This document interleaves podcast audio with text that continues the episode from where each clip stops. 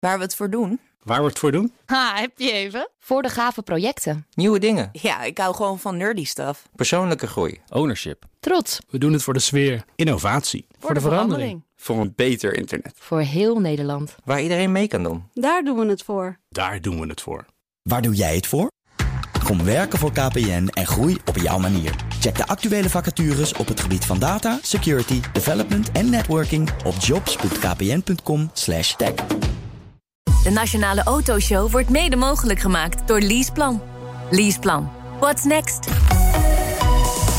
BNR Nieuwsradio. De Nationale Autoshow. Meindert en Wouter. Ze doen de ene na de andere overname. Moving Intelligence, leverancier van autobeveiligingssystemen... groeit als kool, wil binnen enkele jaren zelfs de grootste van Europa zijn. De alarmbellen bij de concurrentie gaan af. We spreken straks de baas van het bedrijf. Het zou ook een goede naam zijn voor een verhuisbedrijf. Moving Intelligence. Ja, ja, ja. Moving gaat meestal wel goed. Ja, precies. Uh, en Kia die gaat als een speer in Nederland. Nummer 1, hè, gewoon qua verkopen. Nee, dat is bizar, daar waren ze zelf ook wel verbaasd over. En dankzij onder andere de Niro en de Picanto. Ja, maar binnenkort... Ja, komt ook de... Nou, ze rijden al rond hier. Uh, maar er komt de EV6 erbij. En die heb ik deze week getest. Ik ah, mocht daarvoor naar Spanje. Zo. Lekker in het zonnetje gezeten. Uh, je hoort straks meer. Maar dan kom je verder met, uh, met een volle accu natuurlijk. Ja, moet niet te warm, warm zijn. Nee. Dus dit is eigenlijk misschien wel ideaal EV weer, hoor. Gewoon niet te warm, niet te koud. Niet te veel wind, nee. niet te veel zon. Nou ja, hè, lekker Nederlands. Heerlijk. Dat weer. Hoeveel minuten heb je opgenomen? 12 heb ik het oh. afgetopt. Valt ja, mee, okay. Nou, het heeft het ingekort naar uh, 4 minuten 10. Dat was wat interessant was. En nee, hoor, de, nee. Rest, de rest komt uh, in de app, hè? Ja, ja zeker. Die verschijnt helemaal in, in de app straks. Ja, dus mocht je extra interesse hebben voor die EV6... Zax. Zax. Zax. Dan uh, kun, je, kun je dat via onze app terugluisteren. Maar de beelden zijn natuurlijk ook te zien op autoblog.nl. Ja, ik heb al een hele video. Lekker. Inclusief de driftwerk. Want dat doet oh. hij dus. Een Kia waarmee je kan driften. Nou, hey. nou ik, ik weet wat ik dit weekend ga doen. Ik ga in ieder geval even kijken naar uh, de filmpjes van Wouter op autoblog.nl. Uh, we beginnen deze aflevering met de Car Cost Index van Leaseplan. Dat is goed nieuws voor die EV6. En we gaan erover praten met uh, Tex Gunning, CEO van Leaseplan Corporation. Een goede dag, welkom in de uitzending. Ja, dankjewel dat we mochten komen. Ja, nou, jullie hebben dan ook wel een interessant uh, rapport uh, opgeleverd. Uh, voor de zesde keer, de Car Cost Index. Een beetje geïnspireerd op de, de, de Big Mac Index. Hè, vergelijken van de, de prijs van een bepaald product in verschillende landen. Ja, interessant, ja. Ja, ja toch? wel. Ja. ja. Waar, waar kijken jullie naar? En hoe doen jullie dat? Dat is, dat is de vraag. Nou, we kijken natuurlijk naar de, wat we noemen de total cost of ownership. Hè. Dus we kijken naar de, de, uit, uiteraard alle kosten, afschrijvingen, verzekeringen, restwaarders. En dan de, de fiscale omstandigheden, die natuurlijk in veel landen nog een enorme invloed hebben. Ja. Uh, en dan kijken we of die auto, wat die kost op een jaarbasis. En wat we nu hebben gezien inderdaad, is dat uh, nieuwe EV's in de meeste landen van Europa goedkoper aan het worden zijn dan de benzineauto's en de dieselauto's. En dat er dus geen reden meer is vanuit een kostenoogpunt in ieder geval. om niet een EV aan te ja, schaffen. Ja, ja, ja, de caravan trekkers en mensen die hele lange afstand rijden... zullen misschien nog andere redenen hebben maar, uh, om, om Ja, niet naar. EV te gaan. Uh, zijn er grote verschillen in Europa? Of, of zijn we echt één aan het worden, ook qua autokosten? Nee, de, de, de verschillen van autokosten zijn natuurlijk enorm. Uh, en dat heeft natuurlijk alles te maken met de, met de belastingen. Dus de ene land, en Zwitserland bijvoorbeeld, is een auto ongelooflijk duur. Maar Nederland staat ook vrij hoog op de, op de lijst van dure auto's. Ja. Ja. Van hoge kosten. Maar in Zwitserland heeft verdienen, met- verdienen ze ook veel geld. Ik bedoel, het, het, het gemiddelde salaris geloof ik was 52.000 euro of zo. Of, of 55. Ja, ze betalen geloof ik ook minder belasting. Dat helpt ook. ja, ja. Inkomstenbelasting. ja. Ehm, nee, maar de, dus die, die, die kosten, de, de fiscale invloed is enorm. En dat maakt toch al een groot verschil tussen landen. Dat gezegd hebben, dan zien we dat in de meeste landen nu een EV goedkoper is dan een diesel of dan een petrolauto. Oké. Oké, dus Grote het probleem- omslagpunt is eigenlijk gepasseerd dan. Qua kosten ja, maar niet qua infrastructuur. En dat is iets waar we natuurlijk op blijven hameren. Hè, dat de, de regering moet natuurlijk wel meehelpen hier. Die hebben daar een enorme verantwoordelijkheid te nemen. Dat die laadpaleninfrastructuur er komt. En die is er niet. Uh, en dan zie je dus ook enorme, uh, zeg maar, dat mensen twijfelen of ze inderdaad die grote auto met die trekhaak nemen, EV. als ze nergens kunnen laden op tijd. Of dat ze met allemaal, alle andere mensen moeten laden op, op hetzelfde moment. Ja. Dus het is een infrastructuurprobleem aan het worden in plaats van een zeg maar, uh, beschikbaarheid of een kostenprobleem. Oké. Okay. En, en, toch, het ver, verbaasde me wel. Want als ik bijvoorbeeld in, in Spanje en in Portugal rondrijd, zie je van die billboards hangen. En dan zie je hoe goedkoop benzineauto's daar zijn uh, qua aanschaf. Uh, en elektrische auto's, nou ja, die, die, die, die zijn best prijzig. Dus er zit wel. Hè, ik vroeg me ook af, wat, wat, wat, hebben jullie vergeleken? Want je hebt natuurlijk niet meer, niet voor heel veel modellen die er zeg maar, als benzine en als elektrische auto zeg maar, zijn. Hè. Je ziet natuurlijk, zeg maar, natuurlijk veel auto's zeg maar, als, als dedicated elektrische auto worden ontwikkeld. Dus kan je, kan je helemaal peren met peren vergelijken? Of, of, want dat maakt het volgens mij wat lastiger. Of misschien ben ik niet slim genoeg, dat kan ook. Nou, een van de dingen die je ongelooflijk herkent is dat iedere dag een EV goedkoper wordt als je elektriciteit laat in plaats van benzine. Ja. Ik bedoel, uh, tegenwoordig je tank vol gooien gaat je meer dan 100 euro kosten. Uh, ja, nou, ik, ik sprak net iemand die reed diesel en die zei zelfs voor een diesel is het al meer dan 100 euro. En dat, die, die was helemaal ja, in shock. Ja, de, dus ik, je moet echt de totale kosten meenemen. En je moet de, de elektriciteits, de, zeg maar de fuelkosten meenemen. Je moet de afschrijving meenemen, aanschafwaarde meenemen. En dan zien we, als je dat allemaal optelt. En dat is natuurlijk moeilijk uitleggen voor mensen, want die kijken waarschijnlijk alleen maar naar de aanschafwaarde. Uh, dat die auto goedkoper aan het worden is dan de, de dieselauto of dan de benzineauto. Ik denk ook trouwens dat, dat, de, dat de dieselauto, dat je daar een enorm risico mee gaat nemen als je die aanschaft. Uh, want de restwaarde daarvan natuurlijk over vier, vijf jaar... die zou wel eens enorm naar beneden kunnen komen... gegeven alle wetgeving ja, in de binnensteden. Ja. Ja, nou, maar dat is voor jullie als leasemaatschappij wel vervelend. Want je zult best wel wat klanten die hebben zeggen... nou, doe mij gewoon diesel, want ik moet gewoon hele afstanden rijden... of die grote kar trekken. Of dus, dus dat zie je dan denk ik ook in leaseprijzen terug. Maar dat, risico moet jullie ergens incalculeren. Ja, nou dat hebben we tot nu toe nog niet gedaan... omdat wij tot nog steeds denken dat de komende drie, vier jaar... Hè, de waarde van die dieselauto nog redelijk stabiel blijft. Ook omdat er niet voldoende laadpalen in de wereld zijn... en dat er dus nog steeds een vraag blijft, tweedehands vraag blijft naar de dieselauto's. Maar ik denk, er komt een omslagpunt uh, dat je uiteindelijk zegt... jongens, die restwaarde van die dieselauto die moet gewoon omlaag... en daar moet iemand betalen. Ja. Ja, snap ik. Um, ik wat ons opviel, uh, was dat in Nederland kost een elektrische auto 950 euro in de maand. Maar in België, in Frankrijk en in Duitsland is het, is het, is het al goedkoper. Wat best verbazen, want daar zie je eigenlijk nog niet heel veel elektrische auto's. Of komt, komt het daar juist er nu aan? Nou, in België uh, is, een, is een wet al aangenomen dat in 2026 alle auto's die uh, zeg maar geleased worden via corporates uh, of gekocht worden via corporates, dat die EV moeten zijn. Oké. Okay. Nou, dat is dus over vier jaar. Ja. Ja, nou, als ik daar nu rondrijd, dan uh, zie ik uh, vooral heel veel diesels en af en toe een benzine. Ja. Dus uh, dat is wel, wel, wel, wel een shock. Daar wordt nog wat. Ja, ja. daar wordt nog wat. Nou, het is wel belangrijk, want jullie hebben gekeken naar de eerste vier levensjaren van een auto. Hè? Want als een auto ouder wordt, er zullen ook heel veel mensen hier in Nederland denken nu luisteren, ja, maar ik rij een occasion en die gaat me echt niet 950 euro per maand kosten. Nee, natuurlijk niet. Nee. nee dus de, de, de tweedehands... Wel, je weet op het ogenblik, de tweedehands automarkt is natuurlijk... Uh, ik zou niet zeggen out of control, maar die is ongelooflijk duur geworden... door het gebrek aan nieuwe auto's. Ja, Dan heb je ook een gebrek aan tweedehands auto's. Maar een used car leasing is natuurlijk vele malen goedkoper dan uh, een uh, nieuw car. Ja. En ik denk ook dat die markt enorm gaat groeien. Want iedereen gaat natuurlijk toch elektrisch over de komende vier tot acht jaar... En niet iedereen inderdaad gaat die 900 euro neerleggen. Dus de used car markt voor EV's die wordt enorm groot. Nou, het is wel interessant wat u zegt, hè, dat er iedereen, uh, heel veel mensen elektrisch gaan, ook in de lease. Maar, maar blijft dat ook zo? Hè? Als Nederland die bijtelling uh, omhoog schroeft per 1 januari naar 16 procent, uh, zogenaamde cap omlaag naar 35.000 euro. Hè? Tot dat bedrag krijg je ja. dan inderdaad 16 procent. Daarboven wordt het meer. terecht wel, elektrische auto's worden goedkoper. Zijn dat communicerende vaten? Nou, ten eerste, ik wil met het laatste beginnen. Ja. Het aanbod van elektrische auto's, dat accelereert enorm. En dat is niet alleen de Europese uh, fabrikanten... maar het zijn natuurlijk vooral de Chinezen ook... die met hele goede auto's aankomen. Dus de prijs van de elektrische auto die gaat omlaag. Ja. De regering die loopt een beetje te wiebelen... Hè, met uh, dan de belastingen op dit niveau, dan op dat niveau. Dus dat gaat niemand helpen.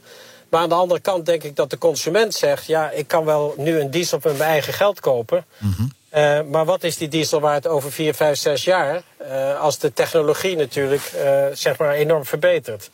Dus wij denken toch echt dat mensen aan de EV gaan en dat ze aan leaseproducten gaan. En een, zeg maar wat we noemen een abonnement nemen op een auto. Nee, maar dat zal ook bijna wel moeten. Want, want kijk, even voor een normale consument om, om nou ja, zeg maar 35, 40.000 euro zeg maar, uit het spaarpotje te halen en zelf iets te kopen. Ja, weinig huishoudens die krijgen dat voor elkaar. Dus dan moet je leasen, private leasen, abonnement, nou noem het wat je wil. Maar dus die hoge aanschafprijs zeg maar, werkt zeg maar, eigenlijk in, in jullie voordeel toch als, als leasemaatschappij? Nou ja, kijk, wat mensen natuurlijk heel lang gedaan hebben, is leningen genomen. En dat noem je natuurlijk een financial lease.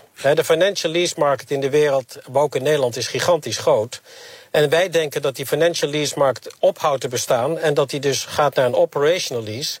Waar mensen dus niet die verplichting aan hoeven te gaan voor 35.000 euro. Maar gewoon zeg maar 3, 4 of 500 euro per maand kwijt zijn. Ja. Waar ze weten dat ze geen enkel risico meer nemen. Nee. Ja, het risico is, is natuurlijk uh, dat, je, dat je vier of vijf jaar in iets vastzit en, uh, en, en mogelijk iets anders wil. Hè? Een nieuwe baan ja, of een nieuwe relatie. Ook, ja. Dat verandert ook. Hè? Je, ziet, je ziet meer en meer dat hè, mensen om flexibiliteit vragen. Ja. Hè, dus ook Leaseplan heeft gezegd, jongens, daar moeten we in meegaan. Kijk, een contract van vier jaar is natuurlijk goedkoper dan een contract van zes maanden voor een nieuwe auto. Maar je zal zien dat de used car leasing, die gaat een stuk van die flexibiliteit invullen en zorgen dat er een goedkopere zeg maar, aanbod komt. Oké. De, die verhoging van die bijtelling, nog even terug daar naartoe. Op elektrische auto's gaat hoogstwaarschijnlijk zorgen voor toch wel weer een verkooppiek hè, eind dit jaar. Dat zien we eigenlijk elk jaar als die bijtelling omhoog gaat. Logisch ook. Uh, maar die auto's moeten natuurlijk wel leverbaar zijn op dat moment. Uh, hebben jullie al te maken? ja, met, dan begrijpt u waar ik naartoe ga, naar het tekort aan chips. Uh, hebben jullie daar last van? Ja, iedereen heeft daar enorm veel last van. De, de chipcrisis eh, zit overal. Dat zit niet alleen in de auto's. Maar we krijgen zelfs auto's aangeleverd nu van fabrikanten... waarbij ze niet meer aan de specificaties voldoen die we, die we gevraagd hebben. Omdat ze dan denken, ja. nou, dat, dat, dat open dak kan ook wel zonder een chippy. Ja, ja. ja dat, dat hoor ik inderdaad nu ook al van. En dat zelfs dealers dan verbaasd zijn dat ze iets binnenkrijgen. En ik, ja, maar dit is niet wat... ze niet besteld hebben. Ja, dit hebben we niet besteld. Ja, kunnen die chips er later nog ingezet worden... dat het alsnog wel gaat werken? Nou, dat geloof ik niet. Nee, ja, ik ben benieuwd. Uh, nou, nee, maar het, het, het, tekort aan auto's is echt een probleem op het ogenblik. Uh, en dat, dat merk je overal. En dat zie je dus ook aan de used car prices. En die gaan gewoon keihard omhoog overal. Ja. Maar voor jullie aan de ene kant gunstig. Hè? Want uh, jullie moeten natuurlijk leven ook wel van de restwaardes en het inschatten daarvan. Dus dat is een soort van positief. Uh, maar het negatief is dat je minder makkelijk nieuwe inzet kan doen.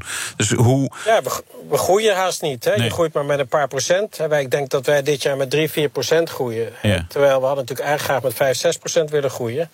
En ons orderboek is natuurlijk groter dan ooit. Ja. Hè, omdat we die orders wel hebben, maar niet kunnen uitleveren op het ogenblik. Nee, nee. En hoe, hoeveel groter is groter dan ooit? Ik geloof dat we 50.000 meer auto's uh, in het orderboek hebben dan uh, we normaal hebben. Zo. Dus dat is nogal wat. Ja, dat Is, en dat is voor geld voor heel Europa, neem ik aan. Ja, ja, dat geldt verder ook. Uh, nog, nog even terug naar die car cost index. Uh, u noemt het onderzoek ook wel een wake-up call voor beleidsmakers. U, u, u had ja. het al over die laadinfrastructuur. Daar, daar doelt u dan ook op? Ja, absoluut. Uh, kijk, ook het wiebelen met, ja. met de fiscale regelingen gaat niet helpen. Maar ook die, die laadstructuur, dat is echt een probleem. Ik woon zelf in Amsterdam. ik heb een garage, dus ik krijg geen vergunning. Oh ja. uh, je mag in feite in veel garages geen uh, laadstations van de brandweer inbouwen. Alle laadpalen, of die paar laadpalen die er zijn, die zijn altijd bezet. Mensen die parkeren gewoon hun auto daar. Er zijn gewoon echt hele slechte infrastructuur. En Amsterdam moet er ook wat aan doen. Hè. Ze zeggen aan de ene kant dat ze die auto's willen mijden, maar ze bouwen niet de infrastructuur hè, om te elektrificeren. Dus nee. dat is echt wel een issue. Nee. Hoe, hoe, lost u dat dan zelf op? Of heeft u stiekem geen uh, EV? Nee, ik, ik, heb nu nog een hybrid. Ik wil een EV. Ja. Uh, maar ik heb geen laadstation. Nee. En, en, en op de, waar ik woon zijn ook geen laadstations, behalve dat die altijd bezet zijn. Ja. Ja. En als je gewoon parkeert, dan moet je dus 8 uur parkeergeld betalen. Hè, ja. Als je gaat 8 uur laden. Ja, ja, ja, ja dat klopt. Maal 8 euro per werken. uur. Ja. ja, dan is dat fiscale voordeel wel snel weer weg. Ja, dat zou je in de karkostenindex van Amsterdam, zeg maar, qua parkeren. Nee, die, die, die, die, valt dan weer, weer, weer anders. Eh, maar, maar, maar, wat moet er dan gebeuren, concreet? Moeten we de brandweer opvoeden dat het toch goed is? Of hoe, ja, hoe, hoe gaan we hier uitkomen? Nou, ik denk dat de regering gewoon massaal uh, die infrastructuur moet neerzetten. Ja. Uh, en dat, dat, dat moeten ze sowieso doen vanuit een ethisch oogpunt, hè, met die klimaat, klimaatagenda. Ja. Daarmee ga je enorme versnelling zien van de elektrificering van de vloot. Dat kan echt heel snel gaan. Hè, dat kan binnen vijf tot tien jaar gebeuren. Maar de regering moet wel hun eigen verantwoordelijkheid dragen hier. Ja. Ja, ja. Nou, dat is de verantwoordelijkheid van, van, vanuit de overheid. Maar de verantwoordelijkheid vanuit de markt is er natuurlijk ook. Ja, dus als iemand een, een, eh, zeg maar een, een, vrijstaand, of niet een vrijstaand, maar alleen een huis heeft waarvoor je een laadpaal kan zetten, ja, die, die zullen wij wel leveren. Ja. Maar er zijn natuurlijk heel veel mensen die in appartementsgebouwen wonen. Uh, die, uh, die, waar je dat gewoon bijna niet kan leveren. Dus die zijn afhankelijk van de straat. Z zelfs bij een rijtjeshuis mag het niet zomaar bij veel gemeentes. Nee, bij gemeentes ook niet zo. Inderdaad. Ja. Eh, dat is de laadinfrastructuur. Dan hebben we nog het belastingklimaat in, in Nederland. Uh, heeft u nog wijze woorden wat, wat de regering nu zou moeten doen? Ze zijn nu aan het formeren, dus ja, nu, we hebben nu misschien nog invloed. Nou, die moeten, die moeten zeggen, kijk, die klimaatagenda die is belangrijk. We moeten tenminste de komende vijf tot tien jaar 2 miljoen uh, EV's uh, op de weg zetten in Nederland. Uh, dus ga maar bouwen aan die infrastructuur en ga het fiscaal maar stimuleren. Ja. En fiscaal stimuleren is dan weer terug naar lage ja. bijtelling? ja? Okay. ja, precies. En, en welk percentage denkt u dan aan? Nou, begin maar bij nul en ga daar maar onderhandelen dan. dat is wel een goede. Hoog inzetten, of in dit geval laag. Ja, precies. Ja. Hartelijk dank, Tex Gunning, CEO van Leaseplan Corporation. Een linkje naar de Car Cost Index die vind je op bnr.nl slash autoshow. En er komt uh, toevallig net nieuws binnen vanuit het kabinet. Het kabinet is akkoord over gemiddeld 400 euro compensatie aan huishoudens... voor gestegen gasprijs. Kunnen we weer meer tanken. Precies, De Nationale Autoshow. Europese automerken hadden een bijzonder slechte september achter de rug. De verkoop van nieuwe auto's daalde met bijna een kwart, Wouter. Ja, dat is wel stevig, hè? Ja, en dan is het vorig jaar was een coronajaar. Dus ja, dat is sowieso een raar vergelijk natuurlijk. Maar goed, het is een dieptepunt, zegt directeur-generaal Erik Mark Huytema van de ACEA, eh, de koppelorganisatie voor autofabrikanten. We moeten terug naar 1995, willen we zulke lage aantallen eh, zien. En er is eigenlijk maar één reden van. Dat is heel spijtig, want de vraag is er wel. Maar we kunnen de auto's niet leveren, want de chips zijn er niet. En als je een auto maakt en je kan hem niet afmaken omdat er een chipje van uh, ja, soms een paar euro gewoon niet te krijgen is, dan uh, kan je hem ook niet verkopen. Dus dat is weer heel spijtig, want we willen ze natuurlijk heel graag verkopen. Om terug te komen vanaf de, vanaf de crisis die we vorig jaar hebben gehad. Ja, ja, de chips, het blijft ons achtervolgen, Wouter. Ja, ja, ik hoorde het. Ja, het is echt bizar. Het zou wel echt heel makkelijk zijn als je die chips achteraf gewoon in kunt plaatsen. Dat je gewoon de auto zonder chips kunt afleveren. Dat die in ieder geval kan rijden. Sommige dingen kan dat. Ja, dat uh, bandenspanningssensoren bij Porsche, begreep ik, doen ze dat okay. wel. Uh, reservesleutels, of in ieder geval een tweede sleutel. Hè, die, die krijg je er bij heel veel merken niet bij. Maar ja, het zijn natuurlijk allemaal kleine aanpassingjes. Er ja, zit natuurlijk zoveel. Kijk, zelfs een elektrisch raam er zit al een chip in die, die allerlei dingen regelt. Ja tijdelijk zo'n zo'n zwaai dingetje eraan hangen. Ja, ja, ja. nou, uh, in, in uh, digitale dashboards, zeg maar, in sommige merken... die, die je hebben een paar maanden zonder je ramen open Ja, precies. Doen. Nee, uh, Volkswagen Gol in, in Zuid-Amerika... Ja. wordt gewoon weer zonder radio en infotainment geleverd... omdat, ja, dan hebben ze minder chips nodig. En ja. weet je wel, en, ga zelf maar zingen. Smartphone. Ja, en gebruik je smartphone vanavond. Ik weet het niet. Nee, ja, is niet mijn... altijd een... Nee, nee. nee. niet. hoe lang houdt dit nog aan? Huytema zegt daarover het volgende. De vraag is groot, de productie is eigenlijk stabiel. Er zijn een aantal bedrijven die aan het, uh, misschien een beetje aan het hamsteren zijn, nu, nu er weer iets productie komt. Dus wij verwachten tot midden eerste kwartaal volgend jaar. Uh, dus februari, maart nog steeds problemen te hebben. Ja, joh, dat gaat nog echt lang duren. Dus februari, maart. Ja, ja, weet je, en, en, je, en je blijft zeg maar een soort stuwmeer voor je uitduwen. En dit, dit, dit is wel zo'n soort klassieke varkensziektes ja, waar ze potentieel in komen. Is, blijft die vraag naar auto's al die tijd ook aanwezig? Hè? Is de vraag. Of gaan mensen andere opties zoeken, namelijk de occasionmarkt? Ja, maar occasions zijn ook duur. Ja, maar ja, uh, zijn ze in ieder geval nog wel leverbaar.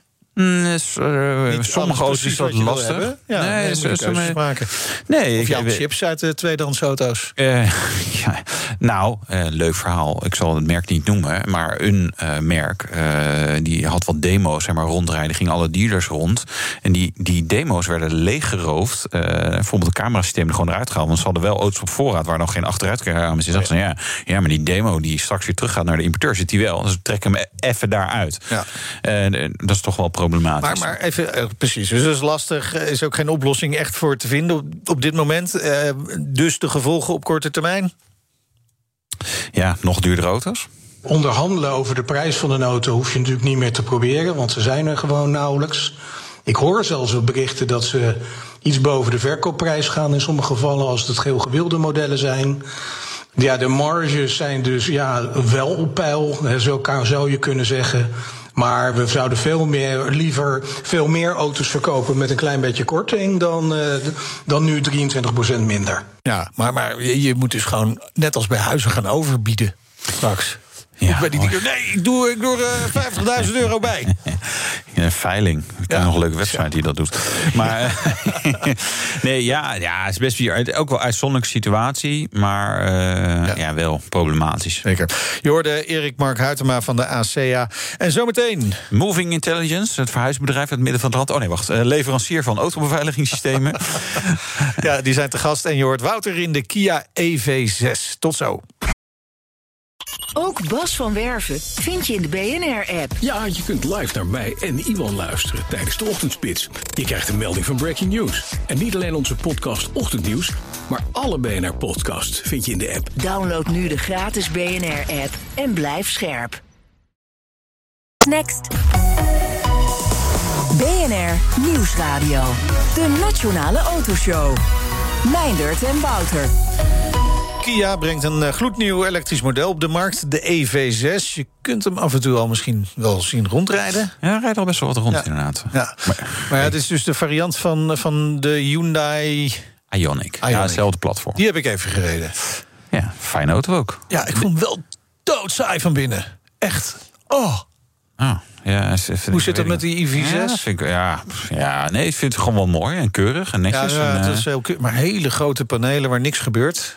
Nee. Beetje uh, Scandinavian design in de, in de overdrive. Was ja, misschien iets, ietsje leuker, denk ik dan. Oké, ja, je kreeg de kans om hem te rijden hè, in Spanje. Ja, Spanje. Ja, er onder de Spaanse zon wordt alles leuk. Dus uh, nou, zelfs een elektrische auto. Ja, ik heb vast. Uh, maar goed, we gaan het eerst hebben over Moving Intelligence. Zeker. Leverancier van onder meer voertuigvolsystemen. Ze doen overname na overname.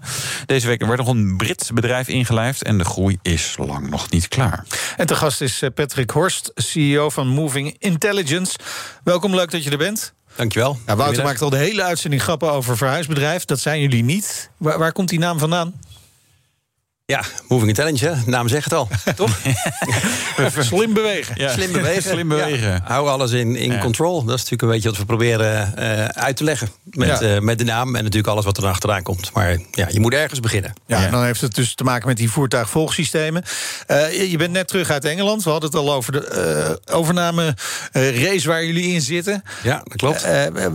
jullie zitten bepaald niet stil. Straks nog even meer over die overnames en jullie ambitie. Maar even over die diensten hè, van Moving Intelligence, voertuigvolgsystemen.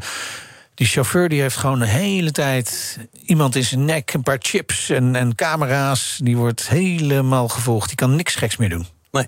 Nee? ja, echt? Is, nee. nee. Kijk, je hebt in het, moving intelligence in de vorm van track and trace... heb je natuurlijk in alle vormen en maten. Uh, uh, wij zijn ooit ontstaan uit, uh, uit de diefstalvraag. Ja. weet je, auto's ja. worden gestolen. Dat, dat was vroeger al zo, dat is vandaag nog zo dat zal uiteindelijk ook noold verdwijnen. Nee.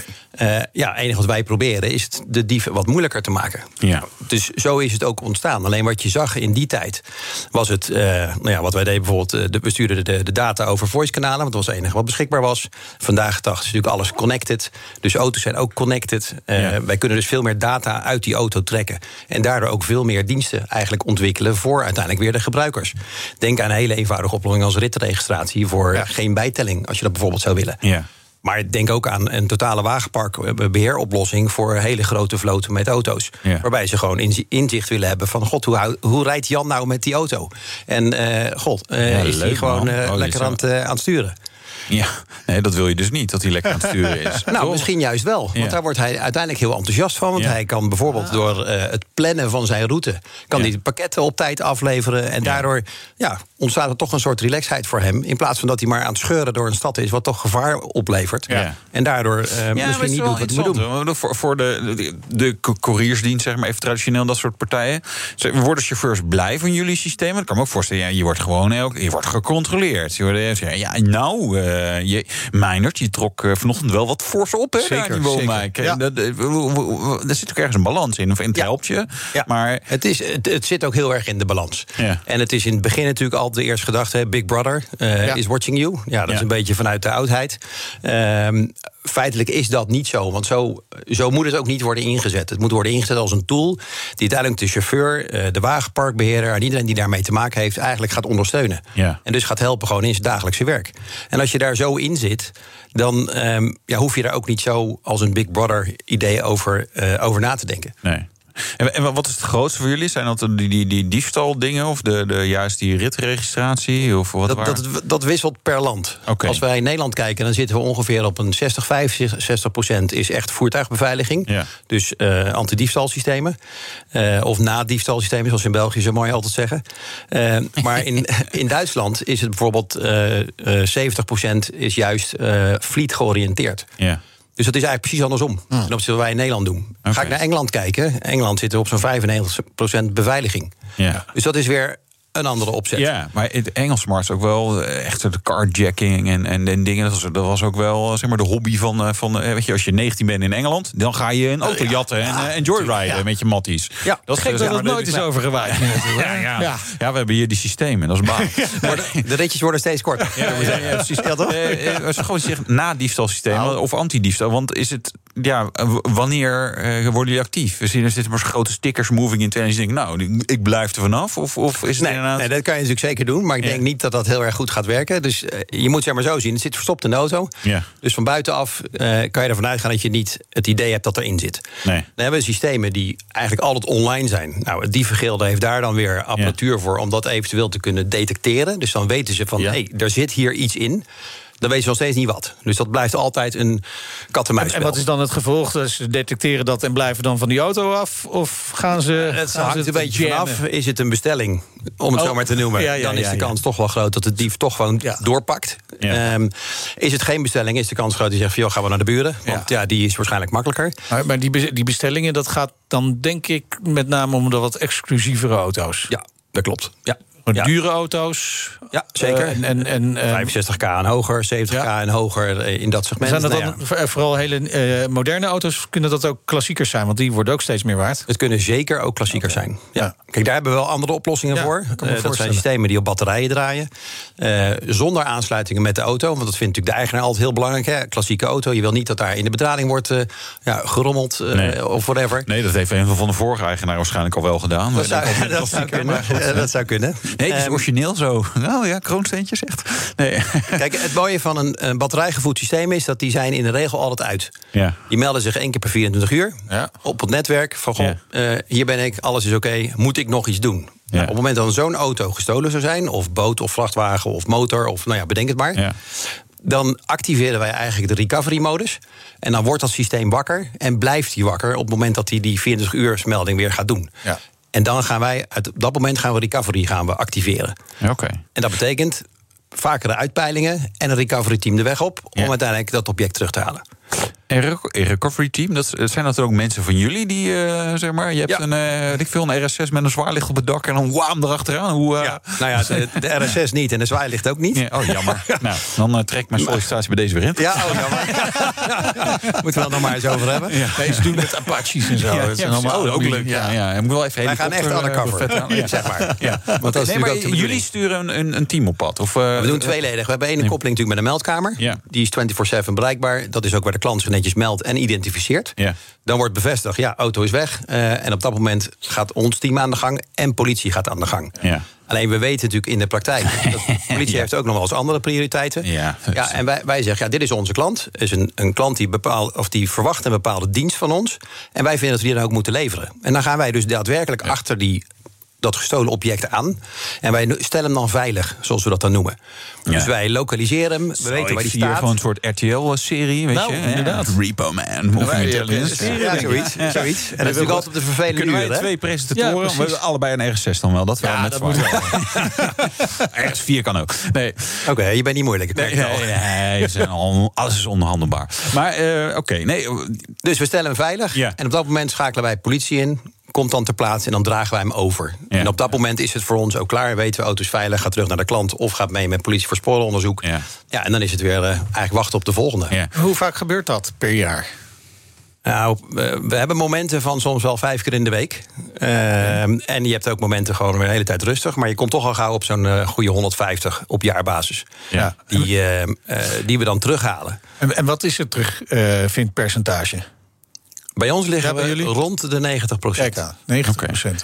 En, die 10% hoe, hoe komt dat dan? Ja. Ja, de dief wordt ook steeds slimmer. Ja. Dus ook daarin, wij moeten ook blijven ontwikkelen. En dat is ook iets wat wij, eh, doordat we eigen hardware ontwikkelen, eh, ontwikkelen we ook eh, eigen variaties op de moeilijkheid voor één installatie, maar daardoor ook het moeilijker maken voor de dief om te saboteren.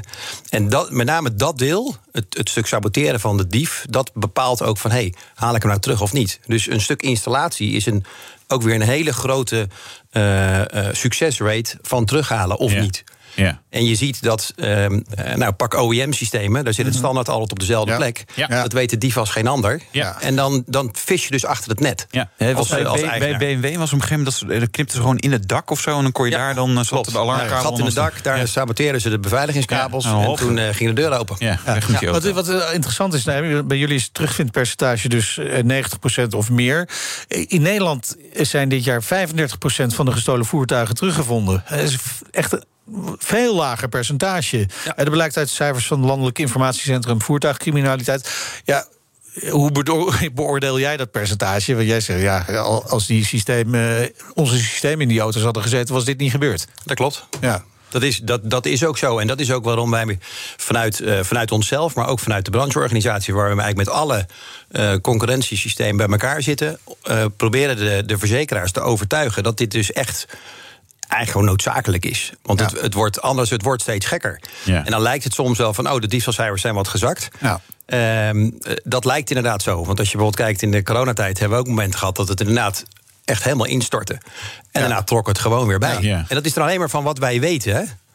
Ja, maar wa- wat zeggen verzekeraars hier dan over? Eh, Want ik kan me voorstellen dat zij op een gegeven moment gaan zeggen: dit, dit gaan we gewoon verplicht stellen, zo'n eh, voertuigvolgsysteem. Ja, dat is natuurlijk al zo. Eh, alleen vanaf een bepaalde waarde. Ja, de waarde ligt natuurlijk op zo'n 65.000 en hoger. Dan kijken ze natuurlijk nog één.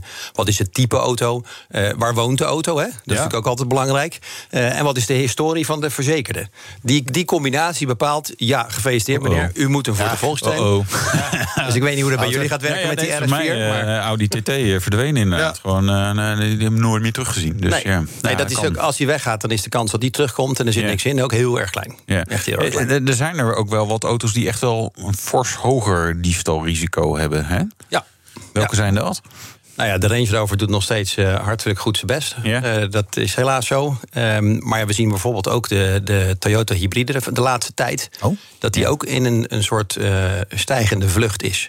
Ja. Dus daar is op de een of andere manier er toch heel veel aantrekkingskracht vanuit de diefengilde. Ja. Om die auto dus te saboteren en mee te nemen. En ze hebben weer methodieken gevonden om die auto dus toch op afstand te kunnen openen.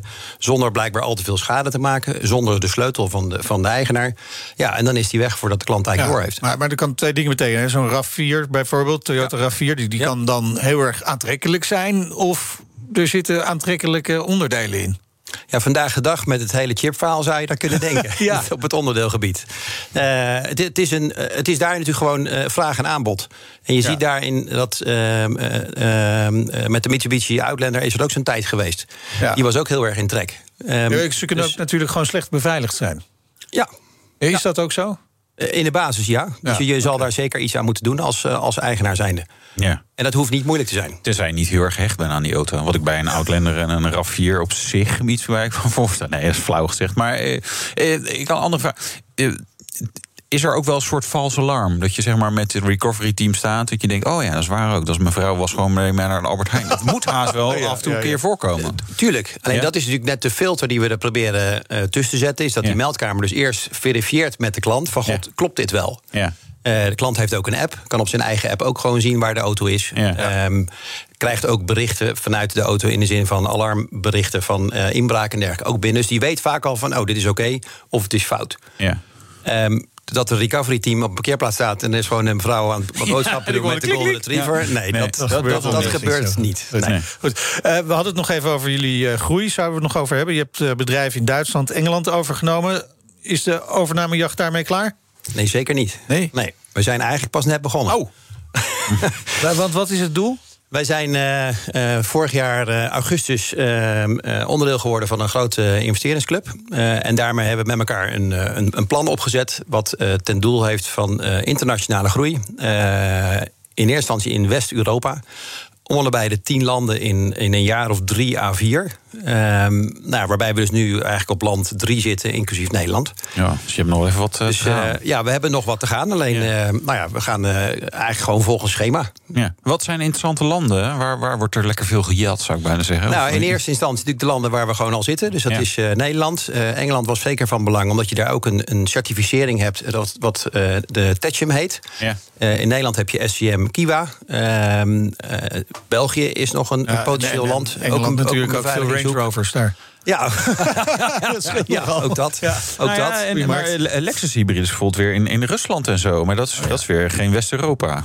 Dus, nee, ja. maar als je kijkt even richting eh, meer naar eh, de, de oostgrens, zullen we Ja, maar zeggen... ja. dan zit daar heel, ook heel veel potentie dat we die kant op opgaan. Tot, tot slot, Ja. wanneer, eh, want het doel is natuurlijk groot, eerst het grootste van Europa zijn... en later de rest van de wereld ongetwijfeld. Wanneer eh, heb je die eerste stap bereikt? Het Eh, grootste van Europa? Laten we zeggen eh, vier jaar. Vier jaar. Oeh, nou... Spannend? Ja, mag moet kunnen. sneller. Ja, Mag ik- sneller. Ja, denk het wel. Het moet drie jaar, wij zeggen. Ja, precies. gewoon doen. Dankjewel, Patrick Horst, CEO van Moving Intelligence. Dank jullie wel. De rijimpressie. Dat gaan we ook nog doen natuurlijk. Wouter die test de Kia E EV6.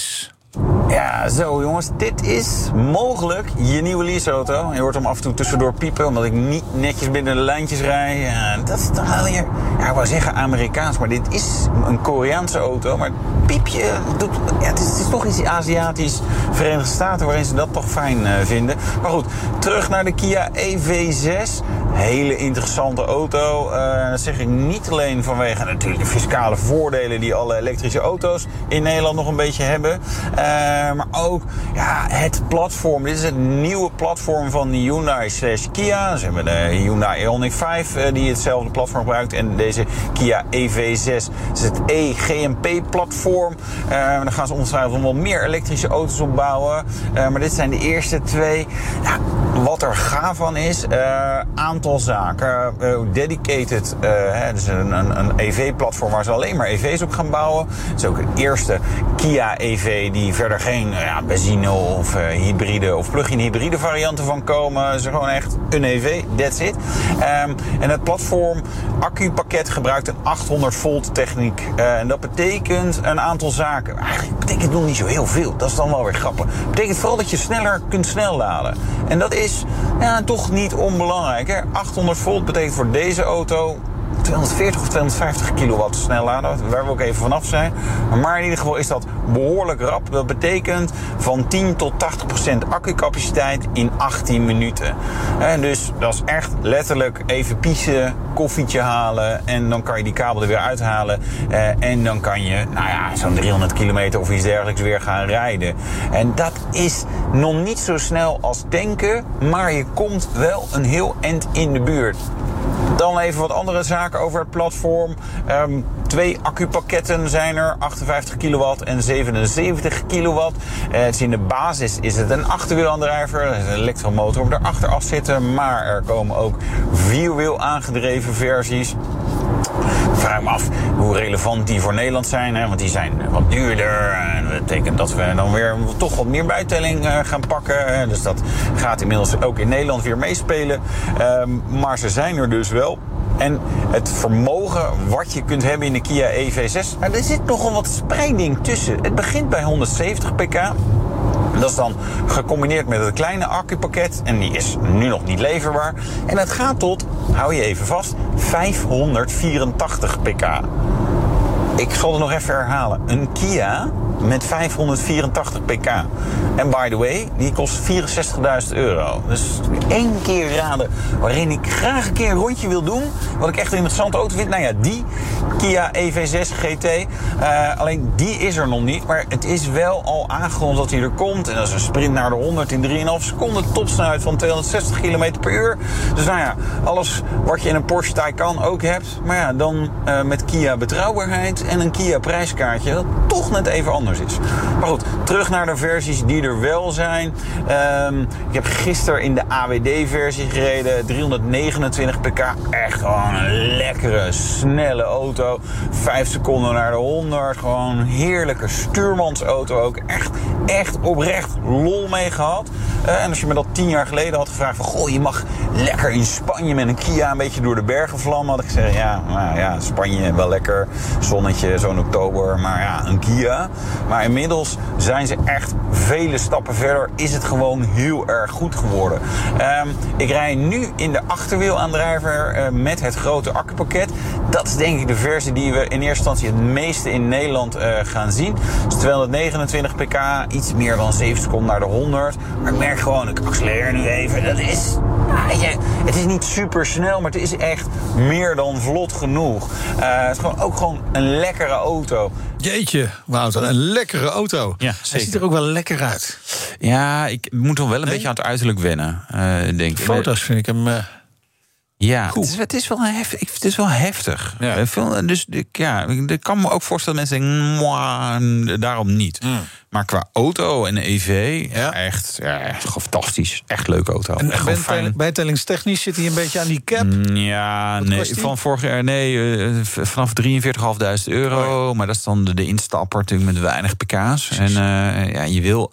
Ik heb, ik heb eergisteren met de 229 pk versie gereden. De dag ervoor met de all-wheel drive, die heeft dan 100 pk meer. En die is echt heel leuk. En die met 229, okay. oh ja, dit is, dit is prima. Ik bedoel, ik zou graag meer willen. Ja, ja. Maar er komt ah. ook nog een versie met nog minder pk. Dan denk ik, mm, het zijn zware dingen, die EV's. Dus, uh... maar, maar als je het vergelijkt met andere, waar, waar, waar moeten we hem plaatsen?